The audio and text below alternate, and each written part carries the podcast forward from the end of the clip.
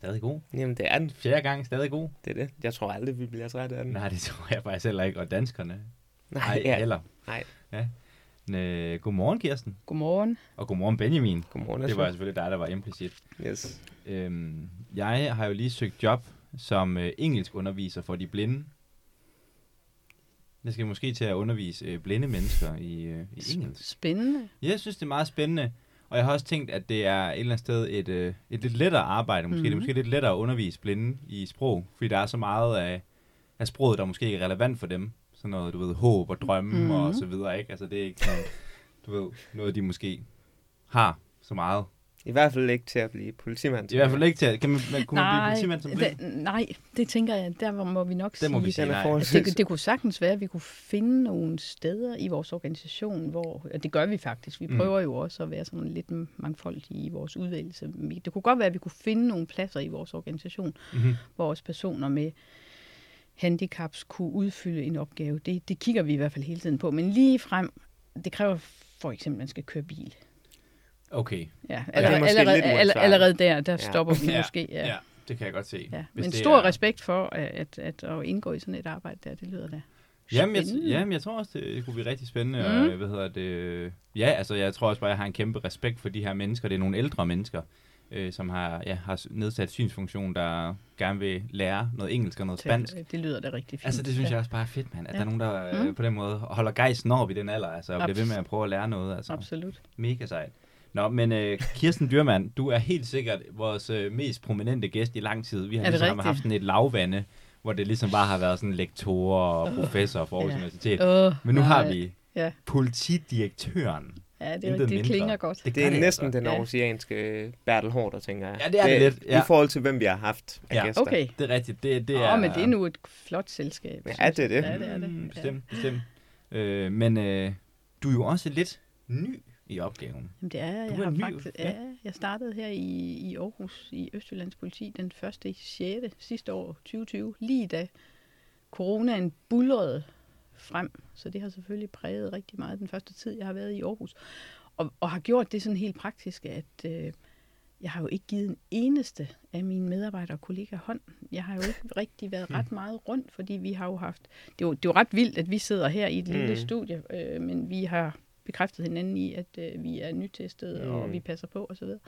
Men, men det har været en, en særlig øvelse at komme ind og lære sådan en stor organisation i øh, Østjyllands politi i det hele taget. Både stationen her lidt længere ned ad gaden, men også i Randers og Grene og hvor vi ellers er. Der er vi jo op mod 1200 mand, 1100 et eller andet antal. Øhm, og dem lærer jeg jo aldrig at kende alligevel. Men Mm. det har absolut ikke gjort det nemmere, at man ikke lige kan trykke hånd og, og se folk i øjnene, og alle vores møder foregår jo digitalt. Det kender I jo alt til med universitetet og så videre. Men øh, Teams er godt, men Teams kan jo, man kan nærmest nå kvalmegrænsen. At vi alle sammen sidder og kigger ned i de her små frimærker. Mm. Det, det er lidt fremmedgørende. Meget. Men giver også mening, fordi vi sparer jo også sindssygt meget tid. Altså, når man tager ud til et møde, hvis jeg tager til Grenå, jamen, så skal jeg jo også regne to timers kørsel frem og tilbage. Så der, der er jo mange gode ting ved det. Det er bare ikke nok. Mm. Altså, vi skal også en gang imellem lige sidde sammen, og vi skal også have tid til lige at slappe af og fortælle en joke under et kedsommeligt møde. Det gør man jo ikke på Teams, fordi så kan alle høre det. Mm. Så sidder man og sender sms'er ved siden af i stedet for. Men, men det er jo også det. ja, ja, ja. Øh, så, så Jamen, det er helt sikkert. Altså, det er også en af mine største frygter ved øh, den her coronaepidemi. Jeg kan huske, det var sådan allerede et par måneder inde i den, hvor min øh, far, som arbejder på journalisthøjskolen og bor ligesom i Aarhus, men han har ligesom sit arbejde i København, mm. Hvor alt ligesom blev, blev gjort online, hvor jeg bare sådan, okay, Ja. der er nogen lige nu, der sidder i toppen af de her hierarkier, som er i gang med at lære, Mm. at man faktisk slet ikke behøver at mødes Det for det. at få øh, butikken til at køre rundt. Jamen, det er der ikke nogen tvivl om. Og altså, det det, er det gør jeg jo også. Altså, mm, ja, men, men Det er ikke Min- noget, der kan rulles tilbage, tænker jeg i hvert fald. altså, det, det bliver det jo aldrig. Nej, Nej, det Rigtig det. meget af min mødevirksomhed som politidirektør, det er jo et samarbejde med de andre direktører og et samarbejde med Rigspolitiet, som jo er et stort, flot embede i København. Så rigtig mange af mine møder foregår jo i København. Der tror jeg da sagtens, at vi alle sammen tænker i retning af en fremtid af, at vi skal kun mødes, når det absolut er nødvendigt. Mm. Men med de der møder på et par timer, der giver det jo sindssygt god mening, at vi tænder skærmen. Fordi ellers, kan man sige, så kan man jo tage ud i lufthavnen og spise en pølse, og så er den dag gået. Ikke? Altså, Ja. det, det er jo sådan lidt øh, det, der er hverdagen, når man, når man kommer fra provinsen. Så der er mange ting at hente, men vi må absolut ikke komme derhen, hvor vi kun mødes på Teams. Det er jo, altså, det er jo på mange måder lidt sygt, og i hvert fald fremmedgørende. Mm. Det er det. Mm. Altså, og, og- altså og, og i den, altså det er jo også det der med sådan, så nu kan jeg, når jeg lige tænker over det, så den her antagelse om det, eller problematik med det, den kom jo også meget tidligt Mm. i, i forløbet, at jeg tænkte de her tanker, men nu når jeg så sidder her et år, over et år Ja, senere, præcis. og har vendet mig til det, ikke? så er det jo også utroligt, hvordan man sidder og tænker, hmm, måske ville det egentlig ikke være så slemt, at, at flere af møderne, de var, de var online. Altså det... Nej, det er jo bare så længe, at det ikke er alle møderne, der er online, kan man sige. Altså, så vi også har mulighed for at se hinanden.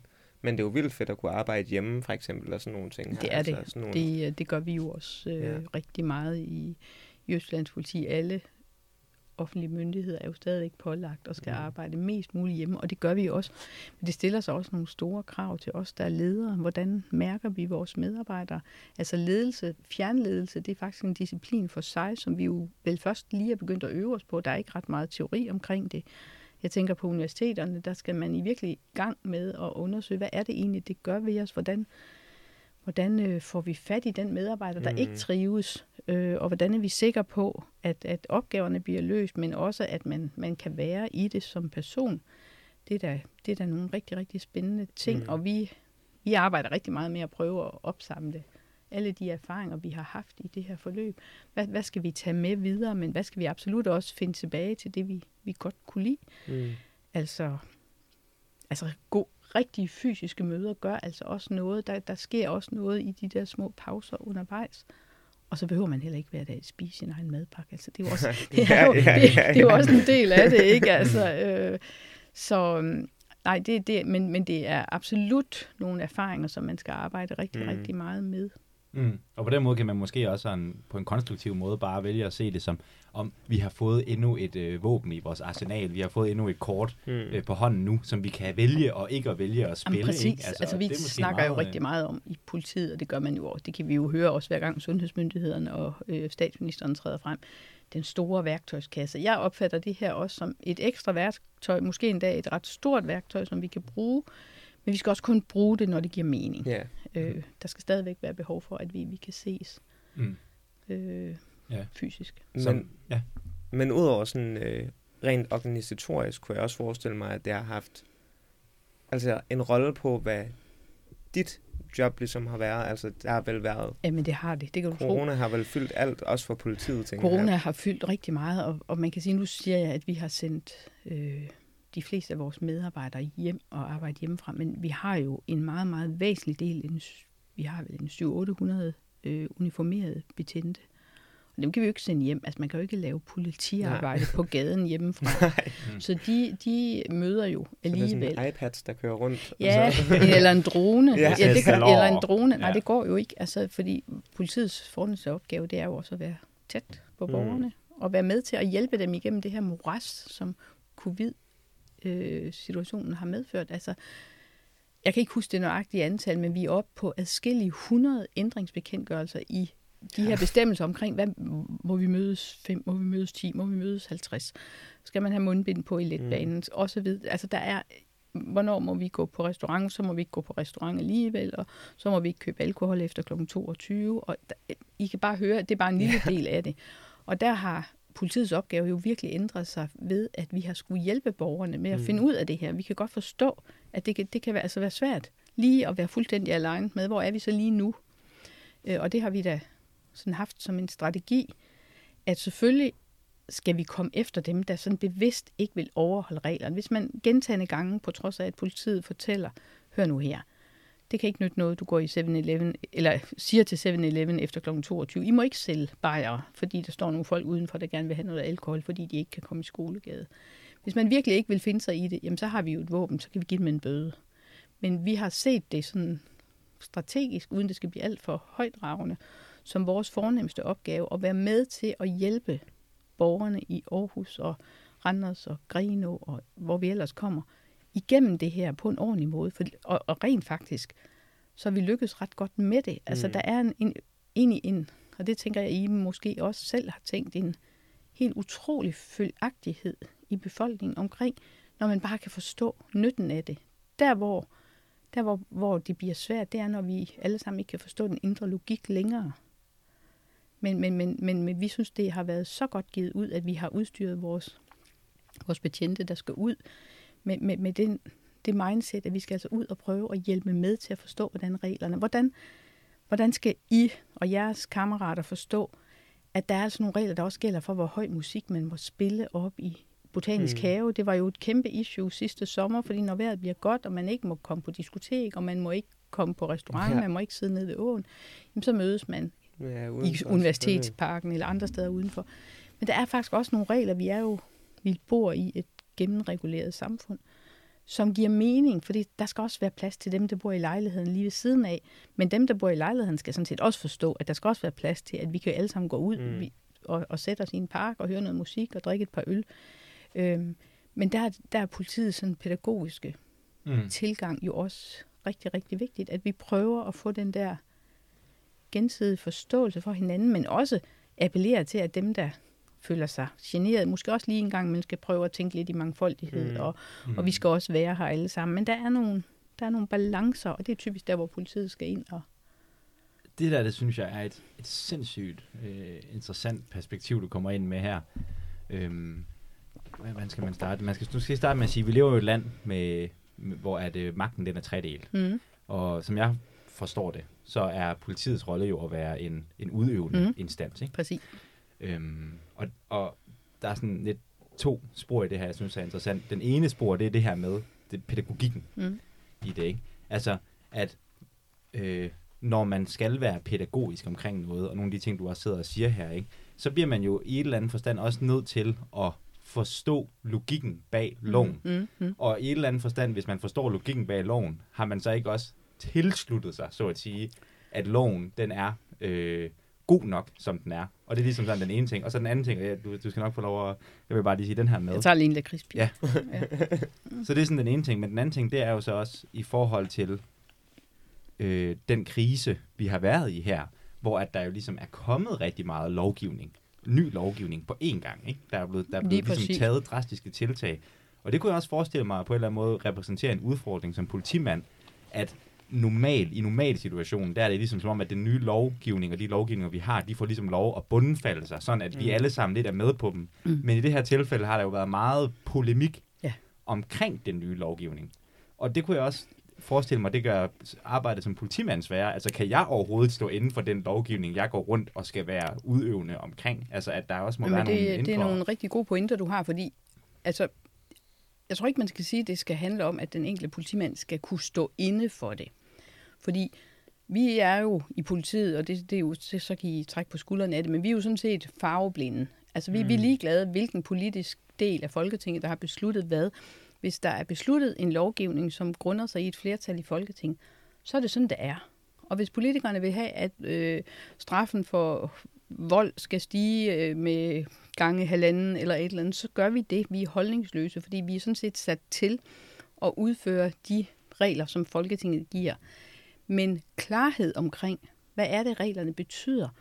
Hvorfor må jeg nu det ene, og hvorfor må jeg nu ikke det andet? Og hvorfor kan man lukke nogle mennesker ind til en fodboldklub, men man må ikke holde en stor koncert osv.? Mm. Det, det er sådan lidt større, men også i det hele taget med forsamlingsforbuddet, og hvorfor må vi ikke sidde flere sammen end, end fem lige nu, og for tidligere måtte, eller 10, og tidligere måtte vi kun sidde fem. Det er rigtig, rigtig svært. Hvorfor må man ikke holde åben i tatoveringsbutikkerne, når man må holde åben hos frisørerne, og, og så videre, og så videre, og så videre. Og det stiller der nogle enorme krav til vores betjente, fordi selvfølgelig bliver de også udfordret ud på gader og stræder. Og jeg kan også godt forstå, at der er mange, der vil prøve at udfordre dem og siger, hvorfor egentlig det? Er du sikker på det? Og der kan de jo blive usikre. Mm. Og der er det jo vores opgave som ledelse at hele tiden klæde dem på. Hele tiden have en, en række af spørgsmål og svar på de her nye lovgivninger, sådan at, at, at vi fremstår stadigvæk med autoritet og med ønsket om at, at, at hjælpe med at, at forstå, forstå reglerne. Det, er, det, det, er, det har ikke været nogen nem Nej. øh, periode, fordi at ændringer i det grundlag, som vi skal arbejde på, håndhæve reglerne, som de er, det har ændret sig nærmest over natten nogle gange. Det gik rigtig, rigtig hurtigt sidste forår op på sommeren, og lidt igen her op mod jul. Øhm, og så er det også, det er jo faktisk sjovere at være politimand i positive opgangstider. Altså der, Mm. hvor man skal ud og varetage kontrollen til grøn koncert, Ja, eller, ja, ja. eller øh, Ja, de alt, alt, alt det her, eller festugen og så videre, og alt det, der er sjovt, det blev pludselig forbudt, eller det blev i hvert fald mm. udsat eller aflyst. Øh, og øh, der er ikke noget natteliv, der er ingenting, så, så vores opgavevaretagelse har jo været helt anderledes øh, det sidste års tid, end, end vi er vant til. Mm. Og, men, men, også, men, men også den her nemlig, altså bare lige for måske at koble de to pointer, jeg ligesom fremlagde før også, ikke? Altså netop også det her med, at når du for eksempel siger, okay, den her lov er der af den her grund, Mhm. ikke? Øh, altså, det, altså jeg tænker bare, der beder man jo også politimændene om i et eller andet forstand at acceptere en logik, Mhm. som kommer fra den øh, lovgivende forsamling. Altså hvis man kan se logikken, Ja. er det i hvert fald meget nemmere at agere ude på gader og stræder.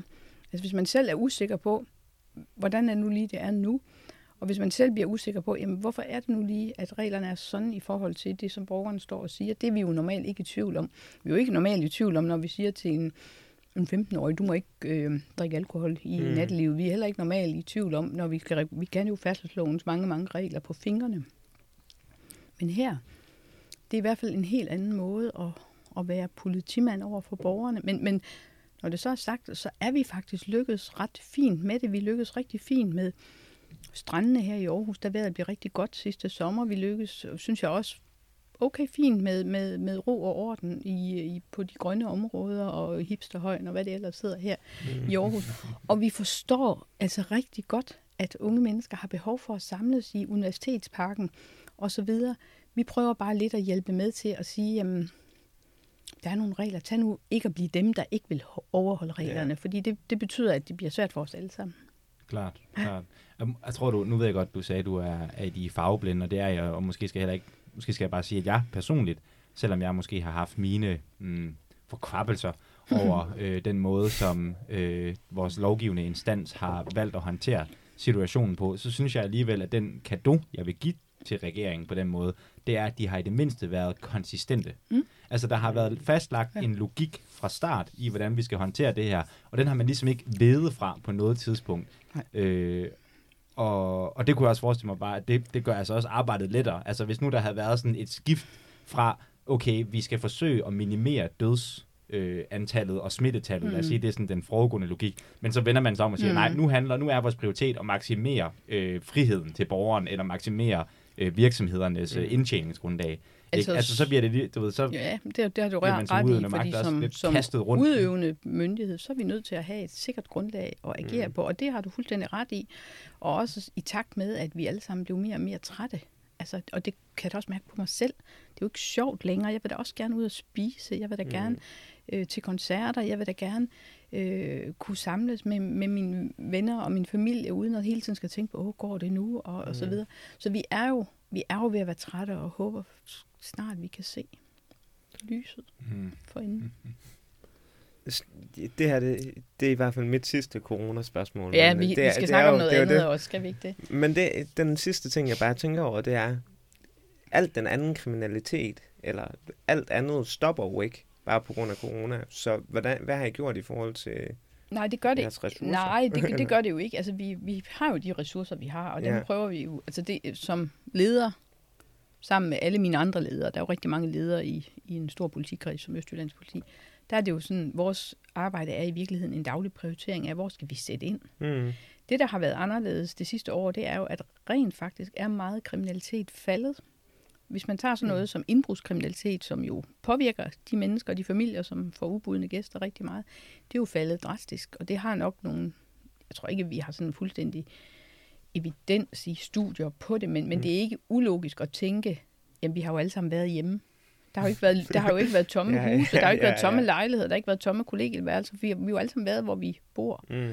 Plus at øh, grænserne har været lukket. Vi har ikke Mm. mm. fået udlændinge ind over grænserne, mm. som, som jo også tæller noget i indbrudsstatistikken. Vold er også faldet, og det har vel også en fornuftig forklaring i, at rigtig meget vold her i Aarhus, det, øh, det, det hører jo til øh, nattelivet. Mm. Det hører til, når man har fået måske lige en tår over tørsten, og øh, kommer op og toppe som en, en pige nede i et eller andet sted. Øh, så, så der er, har været et fald i det, mm. men, men, men samtidig har vi jo så brugt sindssygt mange ressourcer på patruljering, ud og kigge på, at der ikke sidder for mange. Øh, det her, der hedder nudging, hvor vi i sammen med Aarhus Kommune for eksempel har lavet nogle, nogle tiltag omkring at måle eller afskærme nogle områder, tegne nogle cirkler og sige, her må I være så og så mange, og så skal I jo passe på, altså sæt øh, tape op på gågaderne og alle, alle de her forskellige ting, som vi kender. Det har vi jo skulle være med til at sørge for, at det blev overholdt. Mm. Så det har vi brugt rigtig meget tid. Men, men sådan den almindelige kriminalitet, vold, indbrud, der har vi oplevet et fald, men, men vi er jo ikke så naive at tro, at det ikke i et eller andet omfang kommer tilbage, men Nej. vi vil da rigtig gerne udnytte det momentum, der er. Det er sjovere at snakke fremadrettet strategi fra et, et nogenlunde tåleligt niveau. Ja. Og derfor vil vi da rigtig gerne prøve at arbejde videre. Kan vi så gøre noget? Kan vi hjælpe til med forebyggelse og alt muligt andet? En stor del af... Vi er jo ikke bare sådan nogen, der drøner ud og indholder folk og slår til højre og venstre. Det gør vi kun, når der er grund til det. Men vi har jo en meget, meget stor del af vores virksomhed, det går på forebyggelse. Mm. Lidt, eller det vi gør under corona-indsatsen, at vi, vi prøver at hjælpe til med at undgå, at der bliver begået kriminalitet. Det, det er jo mindst lige så vigtigt som at komme efter dem, der har begået det. Mm. Mm. Oh, der er så mange spørgsmål. Ja, kan det er det. Til det der, ikke Det er også? Øh, men, men, men du har jo ret, at, øh, hvad hedder det, hvad kan man sige, det, Jamen, nu, jeg synes, vi skal prøve at se, om vi kan vende tilbage til det. Jeg har også tænkt på nogle ting omkring det her med det, man jo kalder Aarhus-modellen, mm. Mhm. som er blevet sådan en, en af de lidt større, øh, kan man sige, øh, eksportvarer, mm. Mm. øh, inden for i hvert fald politiakademia, mm. Mhm. eller hvad vi skal Mhm. kalde det, Mhm. som jeg godt kunne tænke mig at vende. Men lad os først lige lave sådan en, en, en, en lille segway Ja. her over i sådan den lidt mere personlige, fordi Ja. vi er jo, øh, har vi fundet ud af, et deliberativt journalistisk program. Eller human Hvad, resources. hvad er det nu, man lige definerer? Det er hvad, en samtale, der har fokus på at opnå en højere sandhed. Oh, fantastisk. Wow. Ja, ikke? Ja, wow. Så det, øh, det, Hold det, det Det er prøver et vi nu. fint selskab. Ja, ja. Vi hjælper hinanden. Det er ja. det. Mm. Ja. Det er det. Som sådan en indledning til det her, vi fik et rigtig sjov idé til et spørgsmål, ikke for os selv, men en anden her i, i huset, inden øh, vi gik i gang. Og det var, når du øh, går på gaden ikke, i øh, civiltøj, Yes. og der kommer en politibil kørende, Mm. Hvordan, øh, hvordan, hvordan, hvordan reagerer du, når du ser det? Mm, ja, jeg tror faktisk ikke rigtigt, at jeg tænker over det. Nej. Altså, nej, Okay. nej, Du det, får ikke den der Du får ikke den der, hjertebanken. oh, jeg har ikke gjort noget Ja, forkert. præcis. og, ja. nej, jo, altså det kan, det kan da ikke afvise, at jeg ikke har, hvis man øh, kommer til at gå over for rødt lys eller et eller andet, så tænker jeg, åh oh, gud, nej, hvad har jeg nu gjort? Har jeg, Mm. har jeg glemt mit kørekort, når jeg kører i min bil eller et eller andet? Men det er nu ikke noget, jeg sådan tænker særligt over. Det er ikke Nej. noget, det, du bliver ikke triggeret på den måde. Nej, sådan, nej, nej jeg, jeg, Okay. når, jeg, når det er her i Aarhus, nu bor jeg ikke selv i Aarhus, men Mm. så kan jeg jo godt blive sådan lidt nysgerrig. Åh oh, gud, hvad rykker vi nu ud til, og hvad er der nu sket? Det er mere, Mm. det er mere nok den følelse, jeg Ja. vil have. Klart, Mm. klart. Det kan jeg godt se, der, er jo, der sker noget, når, når det bliver ens eget Ja, ja, på et eller andet Ja. præcis. måde. så Hvad, hvad skal jeg nu høre om i morgen tidlig, og mm. så videre. Fuldstændig.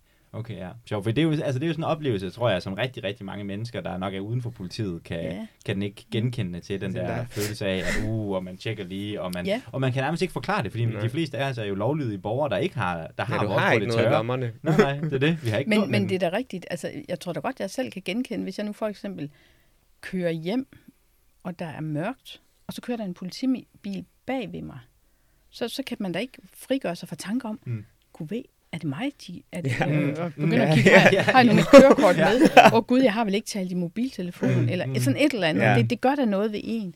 Øh, men det er jo så også en del af vores strategi, at den der synlighed, at når Mm. politiet er til stede i gadebilledet, så opfører vi os nok Ja, alle sammen lidt bedre. pænere. Og det kræver så også, at der er en god dialog, at politiet taler ordentligt til borgerne, og borgerne taler ordentligt mm. Mm. til politiet. Altså i det krydsfelt, der, der vil vi jo helst befinde os.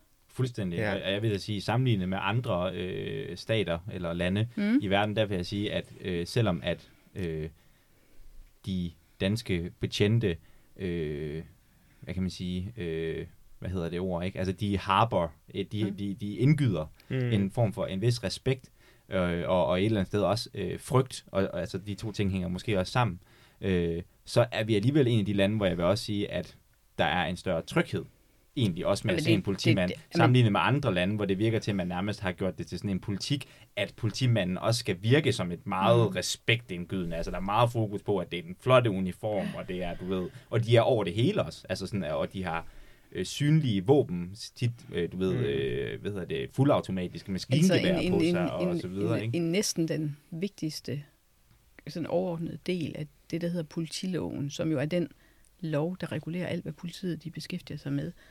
Der er der jo et element af proportionalitet.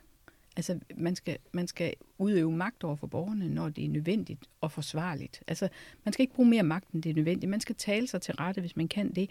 Og man skal, man skal prøve at tale sig til rette, før man tager øh, håndjernene frem. Og man skal ikke bruge pistolen, før man har prøvet alt muligt andet. Og man skal ikke slå med staven, før man først har forsøgt at pacificere på andre måder.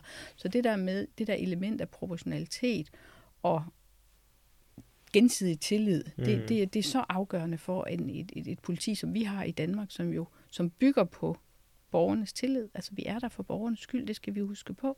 Og vi er der ikke for at udøve magt, hvis ikke det er nødvendigt. Mm. Og det, det, det, det gennemsyrer hele uddannelsen på politiskolen. Det gennemsyrer den praktiske uddannelse, øh, betjentene får, når de kommer hos os. Og det gennemsyrer jo også hele den måde, vi har indordnet os på i Danmark, men vi har også nogle kontrolsystemer, der gør, at borgerne ved, hvor de kan gå hen, hvis Mm. de er hvis de har været udsat for noget, hvor de ikke føler sig ordentligt behandlet. Og det skal der være, for det viser sig rent faktisk, at i de lande, hvor man har nogle gode systemer til at behandle klager, øh, der er tilliden også større. Hvis man går til visse øh, Ukraine eller visse stater i Østeuropa, hvor kontrolsystemerne er så som så, der er tilliden til politiet helt nede under gulvbrædderne. Så det følges hånd i hånd, øh, og, og vi skal også som politi stille os åbent frem og tage imod klager. Vi skal redegøre for, når vi gør nogle ting, sådan at, at borgerne får en forståelse for, at, at, at, at der er mening i, i galskaben. Mm. Og man kan også godt se, hvordan der måske kan starte sådan en ond spiral, ikke? Altså jo mere tilliden og legitimiteten af politiets øh, autoritet, den falder, jo mere bliver man også nødt til at bruge sådan nogle, kan man sige, desperate, korporale fuldstændig. øh, Fuld- tiltag for at bevare en, et eller andet vis form for orden, eller hvad man Fuld, skal fuld, sige. fuldstændig. Øh, så, så det er rigtig vigtigt, at vi hele tiden er i øjenhøjde med de, de mennesker, vi er sat til at betjene, øh, og at vi forstår vores rolle. Vi også netop forstår, at vi er udstyret med magt, og vi kan jo gøre rigtig grimme ting. Altså mm. vi kan jo, som jeg sagde inden vi startede, vi kan tage ud til herre fru, fru Jensen, der sidder med deres små børn og spiser morgenmad, og bede mor eller far om at komme med, om ingen ved, hvornår han kommer tilbage. Men det kan vi kun, hvis der er grundlag for det, og at vi så i øvrigt også i den proces opfører os ordentligt og savligt. Så, og den magt og de midler, vi der er udstyret med, øh, altså vi kan, jo, vi kan jo slå, uden at, at vi bliver stillet til ansvar for det. Hvis betingelserne er til stede, så må vi slå med vores stave. Vi må øh, sprøjte med vores peberspray. Vi må i de aller værste tilfælde bruge vores pistoler. Og hvis det bare er inden for det regelsæt, der er, så er det legitimt for os at gøre det. Men det stiller jo også et enormt ansvar, eller et no- enormt krav til, at vi forvalter vores magt ordentligt og Mm. proportionelt. Ikke? Mm. Så det er styrken ved at leve i sådan et, et samfund som, som det danske. Det, det, det synes jeg absolut. Mm. Og det synes jeg bestemt også. Altså, det er jo sådan en... Altså, det jeg kommer til at tænke på, det er sådan, at øh, øh, for eksempel i, i Platons øh, filosofi, men øh, for så vidt også i, i mange ligesom af sådan, du ved, de, de ældre samfund, ikke? Mm. at der havde man jo typisk set sådan et, øh, sådan, du ved, tre lag i samfundet, ikke? Man havde sådan et præstestyre Mhm. på, øh, på toppen, det kunne vi måske kalde Mette Frederiksen, ikke? Og så havde man så under hende, der havde man så sådan en, øh, en, en krigerklasse, Mm. ikke? Og så til sidst, så var der ligesom pøblen, ikke? Og, og hvis man skulle sammenligne det danske prøve det danske samfund, så kunne man måske sige, at politiet er det tætteste, vi kommer på at have sådan en krigerklasse mm. I den forstand, at de Mm. ligesom har øh, det, som øh, Weber han kaldte øh, ligesom den her øh, legitimitet, hvad hedder den, voldens, øh, voldsmonopolet, ikke? Mm. Men vi har et voldsmonopol. Vi har jo Det voldsmonopolet, har vi jo. ikke? Det, det er sådan, Øh, det er. Men, men, det er jo, men det er jo helt fantastisk, fordi der er jo uden tvivl en fristelse i det at have voldsmonopolet, i den forstand, at øh, man i et eller andet sted bare er mere magtfuld end andre. Ja, det så hvis man derfor, ikke der er opstår- opmærksom, Militær juntaer, kan man sige. Ikke? Ja, ja. Altså, fordi, Jo, jo, og der, kan, der er det jo både som altså både som lovgiver, men også som ledelser i, i sådan en organisation som politiet, det er det samme. Altså, vi er jo en ret unik størrelse. Der er jo ikke andre, der er tillagt de, i hvert fald ikke tilnærmelsesvis tillagt, de øh, magtmidler, som vi er i politiet. Det stiller jo enormt krav til, at vi også hele tiden ser vores folk i øjnene og er mm. sikre på, at vi bruger kun magt, når det er nødvendigt. Og når vi så bruger magt, så skal det også være forsvarligt. Altså, vi skal hele tiden afpasse. Når det så er sagt, så er det jo også indimellem en, noget af en udfordring at sende unge betjente på gaden, fordi det er jo sådan i splitsekundet, de skal vurdere, mm. hvad er nu forsvarligt, og hvad er nu nødvendigt at gøre, øh, og man kan blive presset af tilråb og provokationer osv. osv.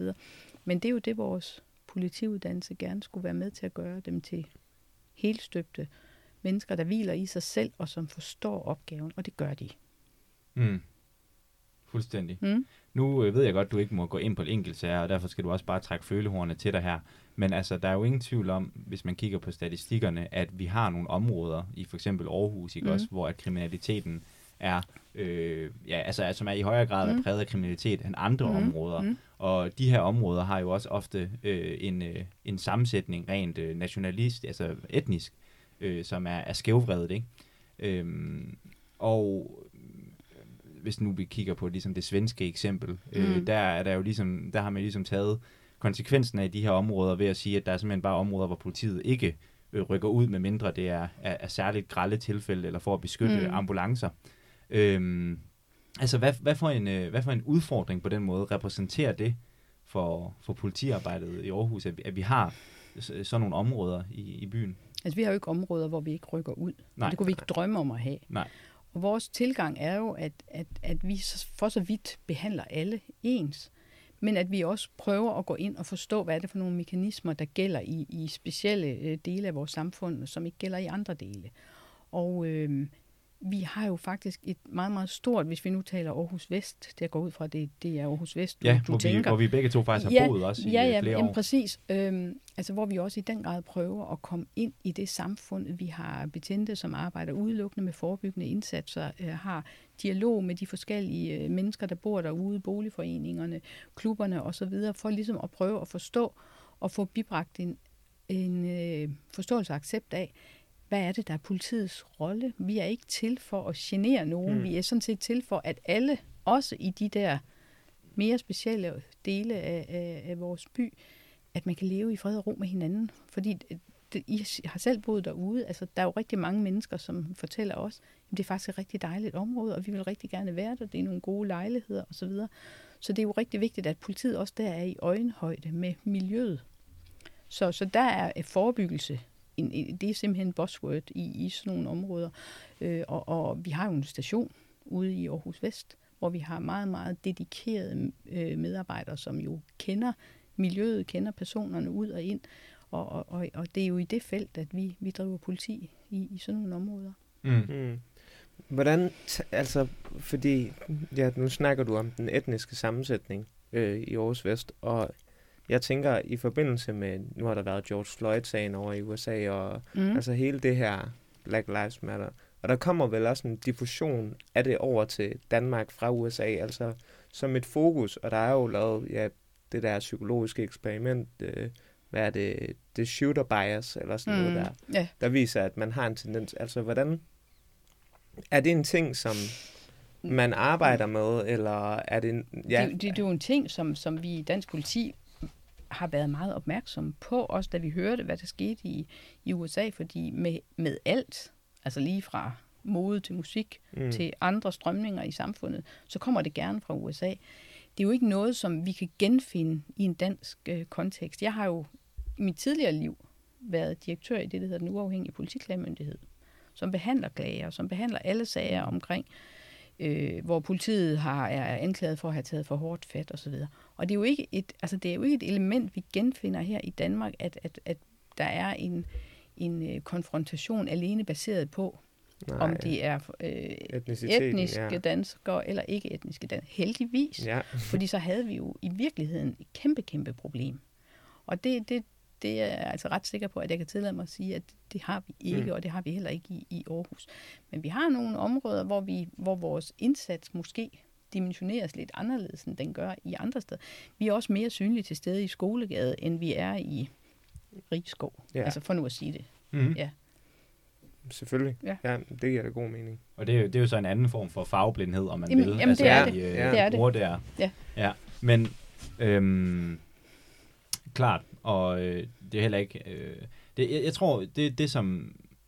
Og det er jo svært at sige, om man bare ser det, man forventer at se, og om det er noget, jeg ligesom har efterrationaliseret. Men da vi boede i Gellerup, hvor vi jo havde mere kontakt med politiet, end jeg nogensinde har haft noget andet sted i mit liv, øh, så var der alligevel, må jeg sige, med de øh, politibetjente, jeg møde, mødte, en vis kynisme omkring det arbejde derude, og det forhold, der var derude, eller måske egentlig ikke så meget, måske direkte forholdet mellem politiet og, øh, og, og, og befolkningen, eller civilbefolkningen, men der var en kynisme omkring på en eller anden måde, det her, det er bare et øh, kriminelt område. Der er ikke mm. Noget, vi kan gøre. Vi, det er som at, at, at, at bokse under vandet, ikke? Altså, som John Mayer så fint siger. Ja, det er rigtigt. Altså, det, det, det håber jeg jo ikke. Altså, det, det er jo også min opgave som, som Mm. leder og sammen med de andre ledere, og hele tiden sørge for, at er der nogen, der løber trætte i et område, og, og ligesom mister det gode blik for, hvordan at ledes, jamen så håndterer vi det, og så kan man blive flyttet i en periode, hvis- hvis tingene bliver for voldsomme, og hvis man har været udsat for nogle ting. Fordi øh, altså, kynisme, det hører jo ikke til i, i politiet, og, og det håber jeg absolut heller ikke, at det indtryk, vi, vi efterlader os, det, øh, det tror jeg nu ikke. Mm. Klart, og det er også det, jeg, derfor jeg ligesom så tvivl ved min mm. egen opfattelse mm, her. mm. Altså om det måske bare var en projektion, ikke? Altså fra min side, at jeg havde måske en, lidt, en vis kynisme omkring det område, og så, så ligesom fandt jeg det, det i, i den med politimand eller Jeg tror, der er i, i, i de senere år, er der jo sket rigtig, rigtig meget omkring netop vores forebyggende øh, øh, arbejde, vores deltagelse i forskellige sammenhænge derude, øh, sammen med Aarhus Kommune, gademedarbejdere osv. Øh, det er virkelig noget, vi sætter rigtig, rigtig mange ressourcer af på, og vi vil også gerne være med til, at det er et sted, hvor alle har lyst til at komme, hvor alle har lyst til at byde ind på de gode, fede lejligheder derude, og der er jo lavet rigtig mange fine pladser og så videre. Så, så hvis vi som politi kan bidrage til, at det bliver endnu et rigtig godt område i Aarhus, så, Mm. mm. Ja, så er det jo bare fedt. så er det bare mm, fedt. Det er Ja. fantastisk, ja. Og, altså, jeg, kan godt lide din, øh, jeg kan godt lide din sammenligning med skolegade, Mm, ikke? Altså på en eller anden måde, altså... Vil Jamen, man det kan godt være, skole- det var, mens jeg læste i Aarhus. Jeg ved ikke Nej, engang, nej, om der, der, skolegade, der, der, den der, er der er godt gang gang i den. Er det rigtigt? Ja, ja, det er ikke bare blevet sådan et bymuseum? Eller? Nej, nej, nej, nej. Skolegade er... Ja, det er nu blevet officielt en del af den gamle by. Præcis. ja, ja, ja. De har fået en burger shack. Ja. Der er jo ingen... Ja, det er Nej, rigtigt. Men jeg, jeg mener bare, at du ved, hvad, skulle, man, øh, skulle man også have så sådan en kynisme omkring, at åh, der bliver også bare ved med at være kriminalitet i bylivet, sådan, og Mm. vi lige skal bare give op. Nej, det skal vi jo ikke, vi bliver nødt til at have. Ja. Acceptere, at det er en værdifuld del af vores samfund, øh, øh, som, som vi har lyst til at bevare, og så har det nogle konsekvenser for øh, vores, øh, kan man sige, adfærd, Ja. øh, og, og det gør så, at politiet ligesom må, må tilpasse sig til det. Når det så er sagt, så skal vi, nu, nu, nu, nu tager vi den rigtige segway. Jeg prøvede at lave en segway, og så kom vi direkte Kom nu med tilbage. den der, kom nu med den der segway. Ja, men det er fordi, nu har vi snakket om corona. Ja. Og derfor så kan det også være svært at snakke om realiteten. Fordi at realiteten, den har været rigtig mærkelig de Mhm. seneste år for Mhm. os alle sammen. Mhm. Men jeg synes alligevel, der er noget... Øh, jeg kunne godt tænke mig at spørge, netop som du siger, så er du ny i jobbet. Og jeg kunne godt tænke mig at, at høre ligesom, hvordan... Altså, hvil- altså, høre lidt om de forventninger, du havde til det her arbejde, da du takkede ja til det. Og, og så, hvad kan man sige, hvordan realiteten af det har været. Jamen, Øh, ja. jeg tror nærmest, jeg vil starte bagfra, fordi realiteten har været anderledes. Men, men det begynder langsomt sådan at, der begynder langsomt at tegne sig det der billede, som svarer til mine forventninger. Jeg har jo en, altså, jeg kunne jo være mor til begge jer to. Jeg har jo en lang, lang karriere i Mm. anklagemyndigheden. Jeg har været anklager. Jeg har også været anklager i mange store sager her fra Aarhus i min, min fortid. Men har altid ligesom haft politiets arbejde som omdrejningspunkt i min karriere. Og jeg tænker, det jeg blev tiltrukket af, da jeg blev kandidat fra Aarhus Universitet for 100 år siden, det var jo netop den der ordentlighed, øh, at et ordentligt samfund også kræver, at der er nogen, der er med til at efterleve, at reglerne bliver overholdt, Mm. sådan at vi kan bruge tiden på det, der er sjovt og positivt og godt for os alle sammen. Det, det har altid tiltrukket mig, og det har også tiltrukket mig at være med til at være i en myndighed, hvor vi dels kan udøve magt, vi kan også sende vores anklager ned i byretten og, og bede om hårde straffe. Det er nogle, nogle voldsomme ting, vi kan, men at det alt sammen skal gå hånd i hånd med, at, at vi opfører os ordentligt, vi er objektive, vi er, som du siger, farveblinde, vi øh, bruger kun magt, når det er nødvendigt. Det, det har altid tiltalt mig. Jeg elskede at være anklager. Altså det, jeg synes, det, det der store, øh, øh, hvad hedder den der store forestilling, hvor anklageren forelægger sagen og afhører og procederer osv. Det, det, jeg var som en fisk i vandet der. Men jeg synes også bare sådan lidt på min, min lidt mere ældre dage, så kan jeg faktisk også rigtig godt være lige, lige at være med til at påvirke, hvordan er det politiet som myndighed og som institution skal være. Øh, hvad er det, vi skal gøre for at bringe os endnu mere i øjenhøjde med, med borgerne? Det aller værste, der kunne ske, og det var også mine forventninger, det var, at jeg vil gerne arbejde på, altså i endnu højere grad af, at vi forstår vores rolle, at vi er der for borgernes skyld, og at vi skal, øh, vi skal være i en tæt og daglig og nær kontakt med de mennesker, som i sidste ende betaler vores løn. Ikke? Mm. Mm. Så, og jeg har absolut ikke fortrudt. Altså det er, jeg tror da I ringede ned, så sagde jeg, er det ikke et mega nice job at være Mhm. politidirektør? Mhm. Det er faktisk et mega, mega nice job. Mm. Fordi det giver så meget mening hver eneste dag.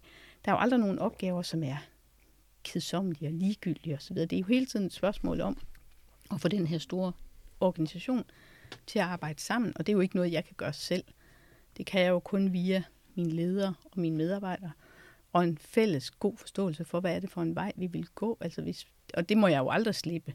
Der må ikke være tvivl om, og det er jo igen også det her med at forstå den indre logik, det gælder også på en arbejdsplads, at der skal ikke ret gerne være tvivl om, i hvilken retning vi bevæger os, og der skal heller ikke være tvivl om, at når vi sender unge betjente på gaden, så skal de føle sig klædt på og være i stand til at forstå de tilrettevisninger, som de skal give til, til borgerne, uanset om de møder dem i nattelivet, eller de tager ud til en familie, hvor der er, er husbetakler.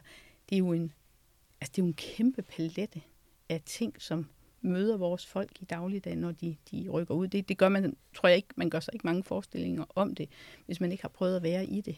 Mm. Samfundet er på alle måder mangfoldigt med, hvad det er for nogle forskellige situationer, vi møder danskerne i.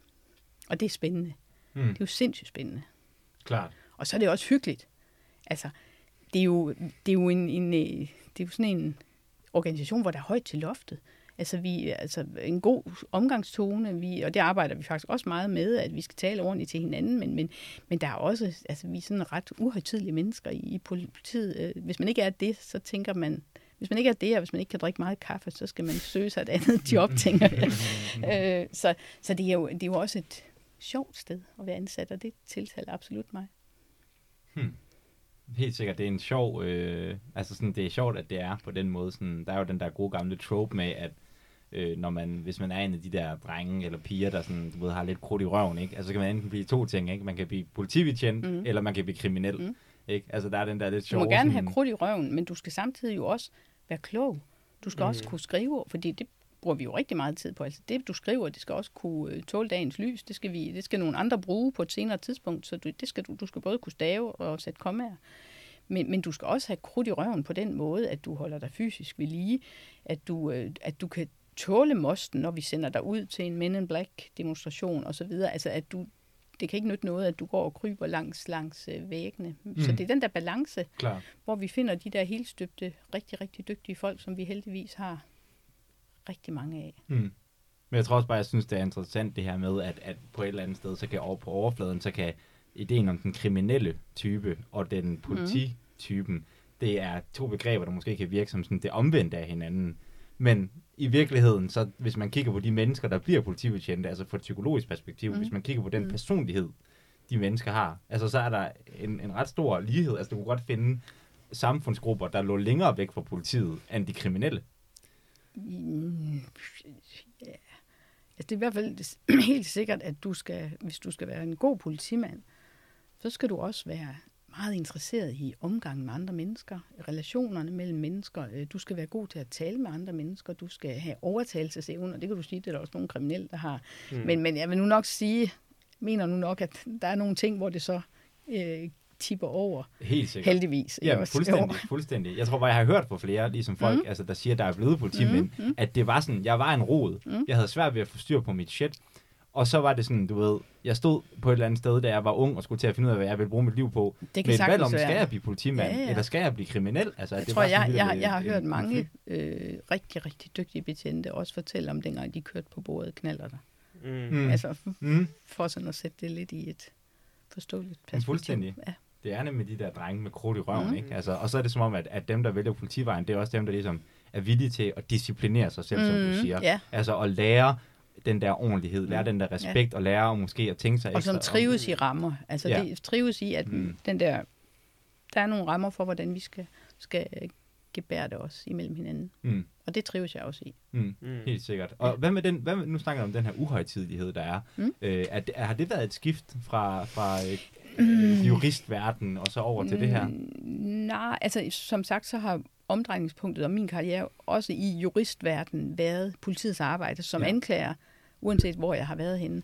Så er det grundarbejde, jeg har stået med, det har jo været politiets arbejde. Så jeg kender jo politiet rigtig godt. Jeg har samarbejdet rigtig meget med den. Men jeg vil sige, at jeg har været så glad for at komme tilbage til en politistation, hvor jeg, som jeg forlod i min yngre tid og blev øh, anklager hos en statsadvokat, siden statsadvokat selv. Jeg, jeg kan godt sådan gribe mig selv i at tænke, at jeg er jo kommet hjem. Jeg er kommet hjem der, hvor det hele starter, Mm. mm. hvor sagerne bliver skrevet, og hvor der er den der gode interaktion mellem forskellige personalegrupper. Vi har det hele øh, det uniformerede politi, vi har en stor administrativ sektor, vi har økonomer, vi har analytikere, vi har kommunikationsmedarbejdere, og vi har en anklagemyndighed. Og jeg synes, den der samlede gryde, som vi blender sammen til det, der hedder Østjyllands politi, det er faktisk, det er jo luksus at få lov til at stå mm. i spidsen for, for dem. Ja, det kan jeg godt se, at det er virkelig en organisation med rigtig, rigtig mange forskellige lag og, og mange forskellige Absolut. øh, personlighedstyper og det er det. uddannelser og så videre og så videre. Og det skal det også være. Ja. Altså det, vi skal også gerne, vi skal også gerne kunne matche mangfoldigheden ude i samfundet. Mm. Øh, så vi skal have kvinder og mænd, vi skal have personer med anden øh, oprindelse end dansk osv. osv. Vi, vi, vi skal gøre os rigtig mange Mm. anstrengelser for ligesom at igen hele tiden arbejde på at være så meget i øjenhøjde med samfundet som overhovedet muligt. Men hvor det måske er meget sådan let at forstå, hvad en statsanklager laver, Mm. man anklager. Hvad er det så helt præcis en politidirektør? Ja, hvad laver hun i grunden? Ja, det kan da godt være, at der er mange, der tænker over. Men altså i bund og grund, så er min dag jo fyldt ud med ledelse, er fyldt ud med Ja. møder, hvor jeg får materiale, jeg får øh, ting fra, fra de forskellige lag i organisationen, og hvor det så i sidste ende, når, når, når, det, når det bliver rigtig, rigtig svært, og når vi kan være i tvivl om, jamen, så kigger alle jo på bossen. Altså det er der mm. ingen tvivl om. Og så skal jeg jo helst have en idé om, i hvilken retning jeg synes, vi skal gå, fordi hvis ikke jeg kan udstikke retningen, så bliver organisationen usikker. Så det er hele tiden ledelse, det er fra mine andre ledere at få informationer. Læs en kæmpe mængde af materiale, lovstof, øh, nye tiltag, der kommer fra Justitsministeriet, fra Rigspolitiet, fra, ja, Mm. det, det er kun fantasien, der sætter grænser.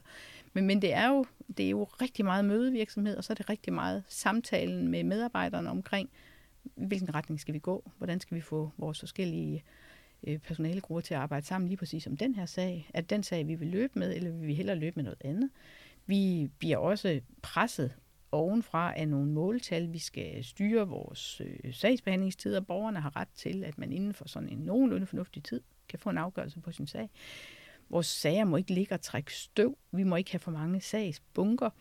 Øh, så er der indimellem, så skal vi køre færdselsindsatser, så skal vi køre, jamen, alt muligt. Så det er også et spørgsmål om hele tiden at få vores ressourcer til at strække til, til de opgaver, som er, vi er bundet op på at håndtere.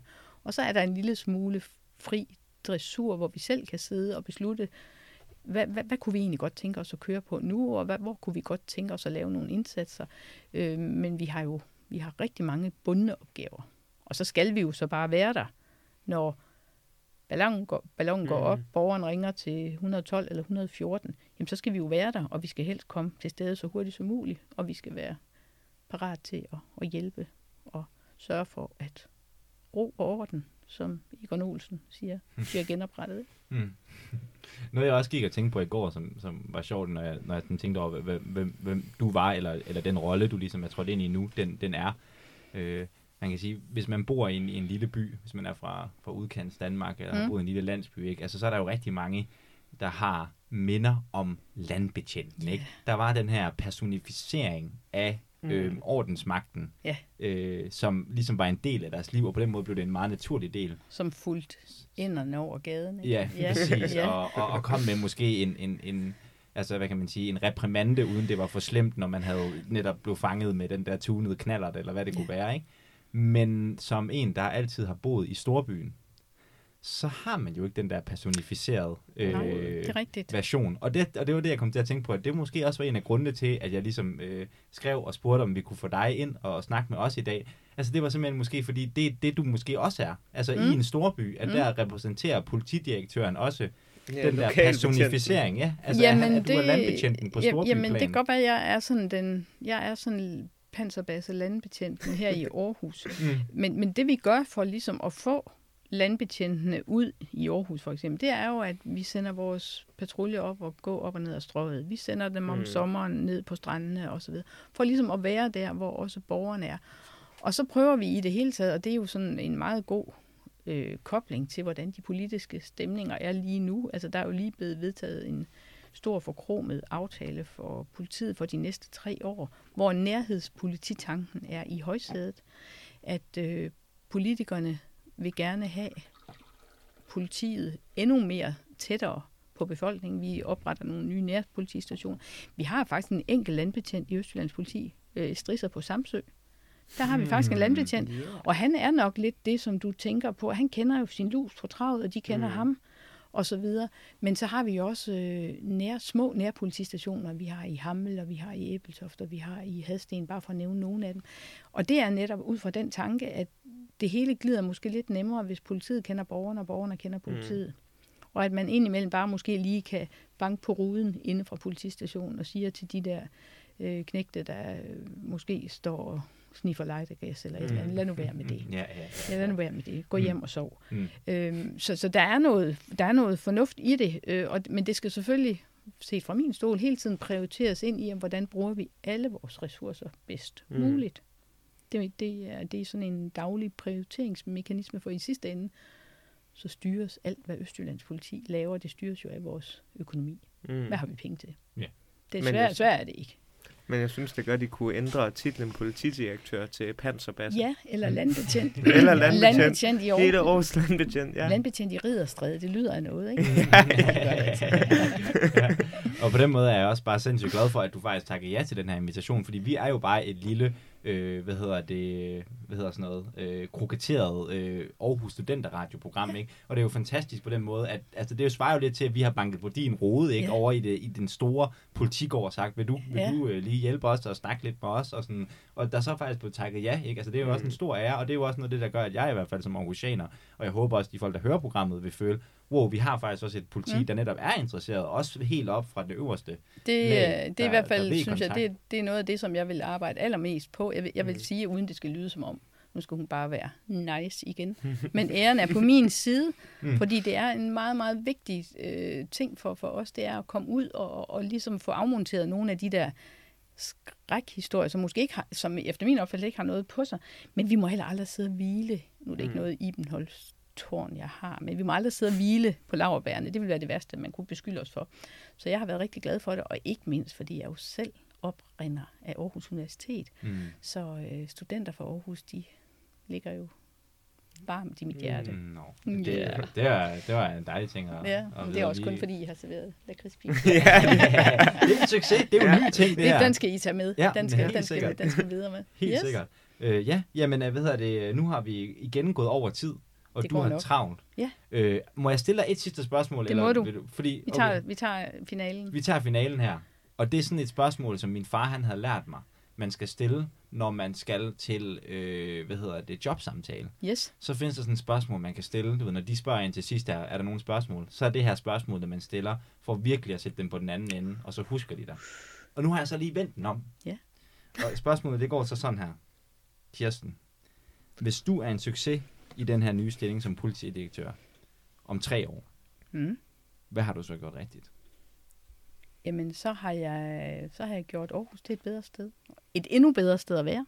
Så har jeg gjort Aarhus til et sted, hvor dem, der bor i Aarhus, men også dem, der kommer til Aarhus, føler sig trygge og føler, at de er gode hænder i Østjyllands politi. At vi hjælper, og vi er der, når der er behov for det. Og at vi er med til at sikre, at sammen med alle mulige andre myndigheder, at øh, Aarhus bliver ved med at være et fantastisk sted at være. Bum shakalaka. Så kan du godt sætte Det var- jinglen på Ja. igen. præcis. Jamen, øh, fantastisk. Godt. Ja. Kirsten Dyrmand, tusind tak, fordi Ja. du vil øh, komme Jamen, ind. øh, det er mig, der siger tak. Ja. Altid også.